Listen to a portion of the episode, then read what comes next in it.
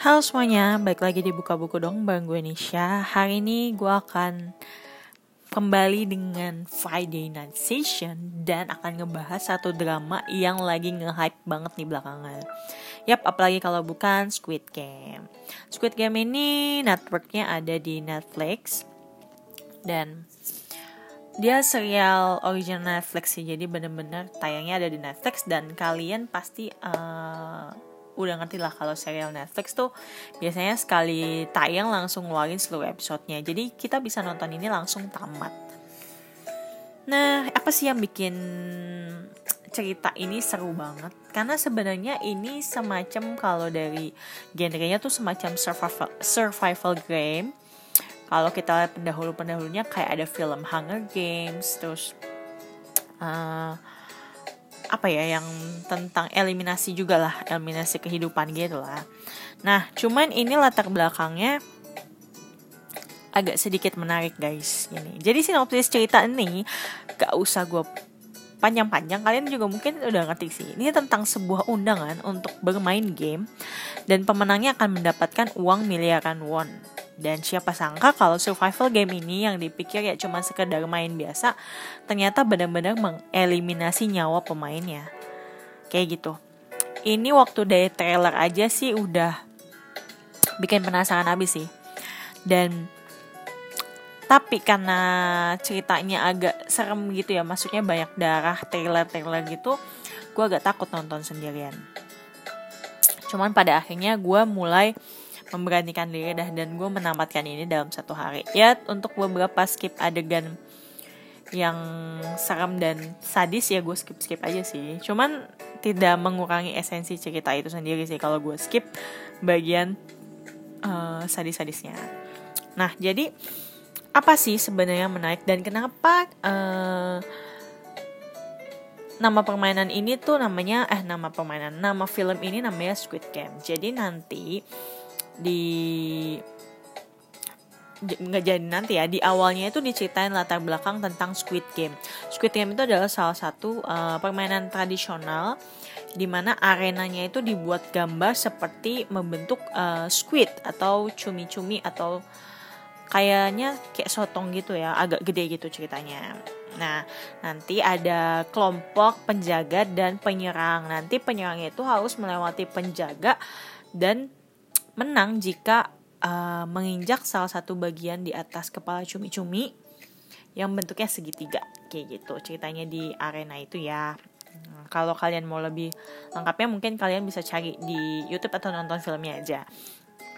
Nah terus uh, di latar belakang kisah ini satu tokoh utamanya bernama Song Gi Hun yang diperankan oleh Lee Jung Jae dalam keadaan yang butuh duit banget nih. Karena dia punya utang dan apa ya punya utang terus dia masih hidup bergantung sama ibunya. Kenapa? Karena beberapa tahun yang lalu dia sudah dipecat dari perusahaannya dan akhirnya dia bercerai dengan istrinya.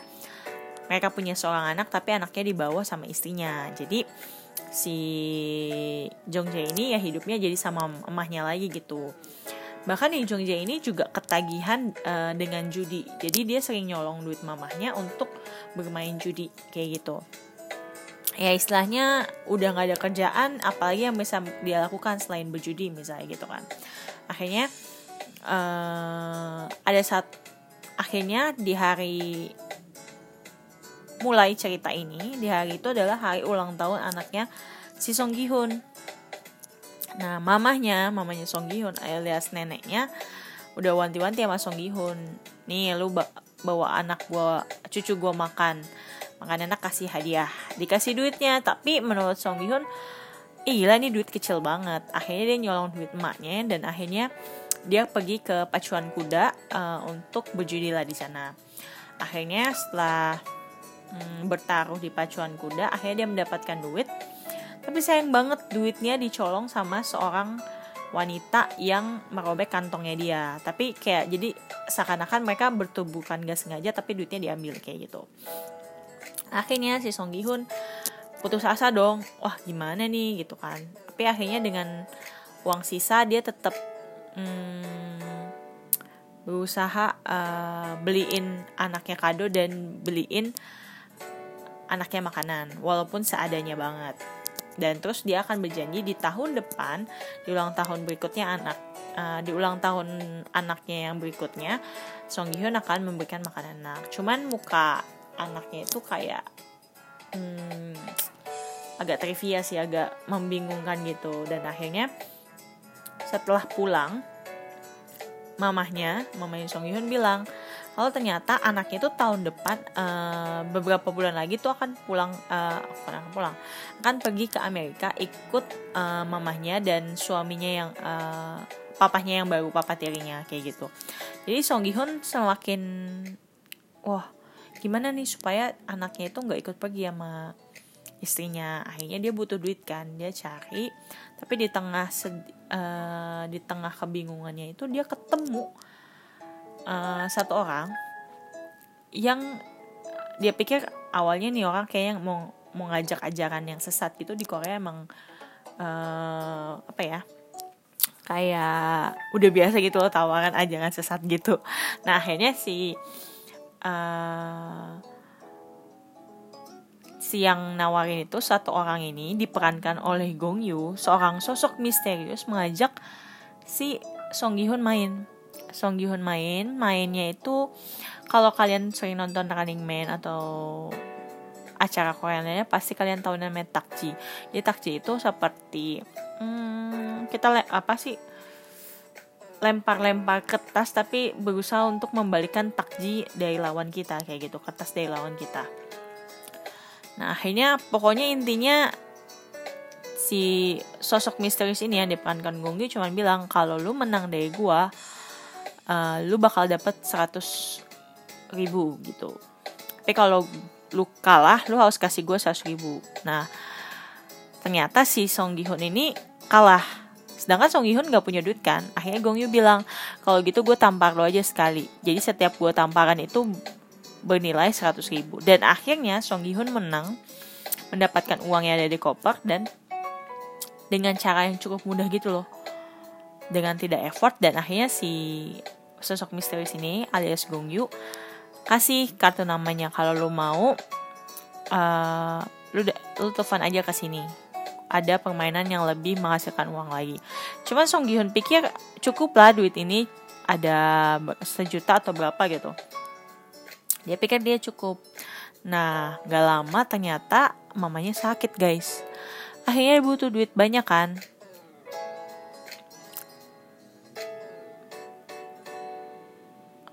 Sorry, sorry. Ternyata waktu itu mamanya belum sakit. Tapi, hmm, anaknya harus ke Amerika itu kan. Dan akhirnya dia mau, mau ikutlah games itu, undangan games itu. Ternyata undangan games itu adalah awal mula titik mengerikan yang terjadi di Korea. Bener-bener mengerikan banget sih menurut gue karena mereka nggak tahu itu di mana. Mereka dibawa dibawa. Jadi kejanjian dulu ketemu di satu tempat dan saat mereka naik mobil mereka kayak dipingsanin gitu loh. Jadi mereka nggak tahu mereka dibawa ke mana dan mereka dibawa ke satu tempat yang gede. Dan di situ berkumpul 456 orang dan 4, nomor 456 itu adalah nomornya si Song Gi Hun. Semua orang di situ dinomorin dari 001 sampai 456. Dan istilahnya gimana ya? Hmm, mereka belum tahu, mereka cuma pikir mereka harus main game ya udah. Dan mereka cuma dikasih tahu kalau um, mereka misalnya survive, mereka akan menang bawa pulang duit. Ternyata eliminasinya beneran eliminasi nyawa guys. Jadi di sinilah sih titik sadisnya ini film. Jadi mereka bener-bener dibunuh dan sebenarnya di tengah-tengah film pun ada kayak adegan saling membunuhnya di antara sesama peserta. Kenapa? Karena kalau nggak mereka kayak gitu, mereka nggak akan ada kemungkinan untuk menang karena yang survive dan akan membawa pulang miliaran won itu adalah yang berhasil menang, cuman satu orang. Jadi di sini saya mulai deg-degannya. Nah, terus apa sih yang bikin gue suka bang, bukan suka sih gue kasih rating ini 4 per 5 bikin gue penasaran ini siapa yang menang dan gimana games-game selanjutnya. Karena kalau di trailer itu cuman uh, tentang red light uh, green light. Itu kayak uh, games yang gue agak bingung sih menjelaskan tapi kalian bisa lihatlah di trailernya itu red light green light itu atau menghumwa kochi bio semida kayak gitu. Nah di situ tuh serem banget sih. Tapi gue penasaran games-games selanjutnya. Dan games-games selanjutnya ternyata lebih sadis-sadis dan bukan sadis sih sadis karena ada pembunuhannya. Dan sebenarnya mainan yang mereka mainin itu sebenarnya mainan waktu mereka masih anak-anak jadi kayak main tadi kan uh, green light red light tuh terus yang kedua mereka main apa patahin permen gitu dalgona. Terus yang ketiga kalau nggak salah mereka main tarik tambang dan seterusnya. Dan yang paling finalnya itu nanti adalah permainan Squid Game itu sendiri yang tadi gue ceritain di awal. Nah satu adegan favorit gue adalah di stage keberapa berupa antara stage keempat ya kayaknya stage keempat deh uh, mereka main jadi awal dikasih tahu mereka harus cari membentuk uh, tim terdiri dari dua orang. Nah mereka pikir tuh dua orang ini akan membentuk sebuah tim guys. Ternyata ya kalau lu udah terdiri dari dua, lu ternyata saling ngelawan gitu loh. Nah di sini selain tokoh utama si Song Gi Hyun tadi yang Lee Jong Jae, ada namanya Park Hae Soo ada namanya Cho Sang Woo sorry. Cho Sang Woo yang diperankan oleh Park Hae Soo Cho Sang Woo ini ternyata adalah sepupu dari Song Gi Hun atau kenalannya dari Song Gi Hun lah. Nah terus ada tokoh utamanya ini sekitar ada ada tujuh ya. Tadi Song Gi Hun Cho Sang Woo terus ada Oh Il Nam. Oh Il Nam ini kakek tua kakek tua gitu yang ikut main game Squid Game Terus Kang Sebyok, Kang Sebyok ini ternyata tadi kan gue ceritain uh, si Song Gi Hun tokoh utamanya sempat kepacuan kuda dan dicopetkan dicuri duitnya. Nah si Kang Sebyok ini adalah pencurinya. Nah terus ada Jang Dong Sok, uh, sorry Jang Doksu yaitu kayak preman ikut di situ. Terus ada Haminyo ini cewek yang cukup gila sih menurut gue ibu-ibu. Gila banget dah Nah, yang terakhir itu Ali Abdul. Ini ceritanya tokohnya ini asalnya uh, dari Pakistan kayak gitu dan ikut survival game ini demi dapat duit buat uh, nolongin anak sama istrinya kayak gitu. Nah, waktu main berdua-berdua ini Song Gi Hon pasangannya sama Oh Il Nam si kakek itu. Terus Kang Sebyok si pencuri, cewek pencuri ini pasangan sama namanya Jiong. Sama-sama cewek masih muda. Dan uh, Cho Sang Woo pasangan sama si Ali Abdul si yang dari Pakistan itu. Sebenarnya ini tiga pasang ini cukup menggambarkan adegan yang sangat rumit sih karena mereka berpasangan istilahnya mau survive bareng. Ternyata mereka harus saling lawan. Dan istilahnya gini gue nggak bisa gue nggak bisa nyerah sekarang. Gue harus menang dari lo ini mereka menghalalkan segala cara lana terutama si Cho Sang sama Ali Abdul ini pasangan yang benar-benar uh, debak sih soalnya si Cho Sang mengkhianati Ali Abdul nah sedangkan Song Gi Hun dan Oli Nam si kakek itu punya kesusahannya sendiri. Nah, yang gue mau sorot adalah pasangan si Kang Sebyok dengan Jiyoung. Kang Sebyok dan Jiyoung ini sebenarnya dua orang cewek yang sama-sama ikut Squid Game tapi mereka tuh kayak tipenya sama gitu loh pendiam introvert gitu. Nah si Sebyok ini dan Jiong ini nggak tahu kan kalau mereka harus ngelawan. Nah setelah tahu mereka saling ngelawan si Jiong bilang kita punya waktu 30 menit. Udah daripada kita ngabisin waktu bertanding yang nggak jelas cuman butar-butar itu permainannya tentang kelereng gitu ya. Mendingan kita ngobrol aja. Nanti di satu menit terakhir kita taruhan semuanya. Siapa yang menang ya maksudnya menangnya sekali ronde aja nggak usah berkali-kali. Akhirnya si Kang Sebyok setuju. Jadi Jiyoung dan Kang Sebyok ngomongin tentang hidup mereka. Nah di saat itulah si Jiyoung tahu ternyata si Kang Sebyok ini masih punya keluarga dan mengharapkan untuk keluar dengan membawa uang. Sedangkan Jiyoung ini sebenarnya ikut ini uh, nating tulus. Jadi dia nggak uh, punya keluarga juga di luar dan dia bilang sama si Kang Sebyok gue ngalah karena lu masih ada harapan masih ada yang nunggu lu di luar sana. Sedangkan kalau gue udah nggak punya siapa-siapa jadi gue mengalah untuk lu. Di situ adegan yang menurut gue sedih banget gue sampai nangis sih. Pas si Jiongnya memutuskan untuk mengalah sama si Sebyok. Sampai si Sebyok bilang gue nggak terima gue nggak mau gue mau menang ini secara adil. Tapi si Jiongnya bilang udah nggak apa-apa. Uh, lo aja yang menang karena lo lebih punya harapan. Sini sebenarnya banyak sih message message uh, message message tersembunyi dari drama ini. Tapi entah kenapa gue nggak terlalu suka endingnya. Jadi kan kita menebak-nebak ya sebenarnya siapa sih yang bikin games ini? Nah, gue gak suka endingnya tuh bukan ending literally pas terakhirnya, tapi di saat mereka sudah menuju ke stage-stage terakhir, di mana mulai muncullah tokoh-tokoh VIP, dipanggilnya VIP karena uh, tokoh-tokoh ini sebenarnya yang mendanai games ini. Mereka bertaruh untuk masing-masing nomor, masing-masing peserta, siapa yang akan uh, menang kayak gitu loh. Dan menurut gue di sini sih mulai kayak entah kenapa pikiran gue emang kalau kata temen gue pikiran kita kolot ya pikiran gue kolot di sini tuh udah mulai notabene tanda kutip bener-bener akhir zaman banget guys.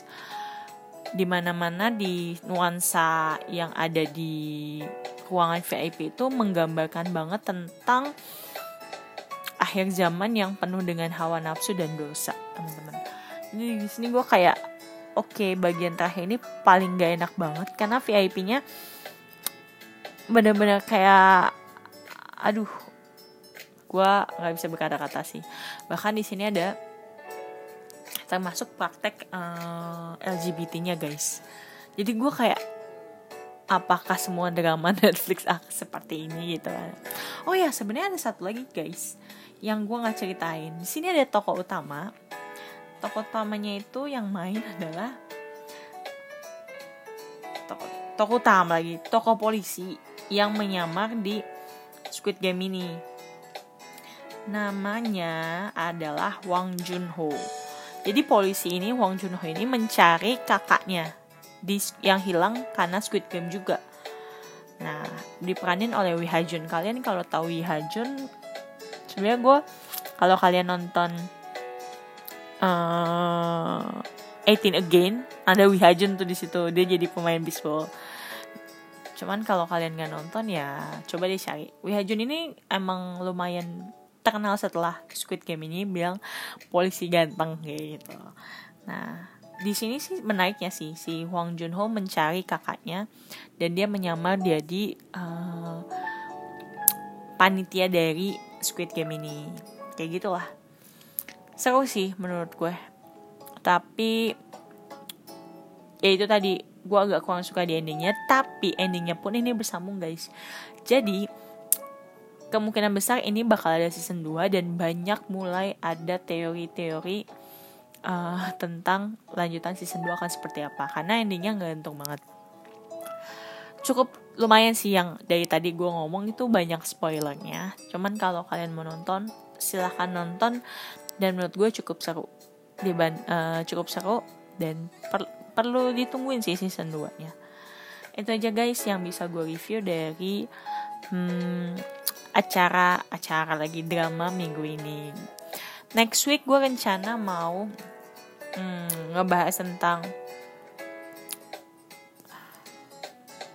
variety show gitu sih. Semoga uh, minggu depan gue sudah memutuskan variety show mana yang gue review. Karena ada beberapa yang seru banget untuk gue bahas tadinya gue hampir melupakan gue nggak mau bahas Squid Game tapi setelah gue pikir Squid Game ini kan lumayan in juga hype dan gue pengen sharing lah ke kalian. Itu aja sih. Sekian review gue untuk hari ini. See you next time. Bye bye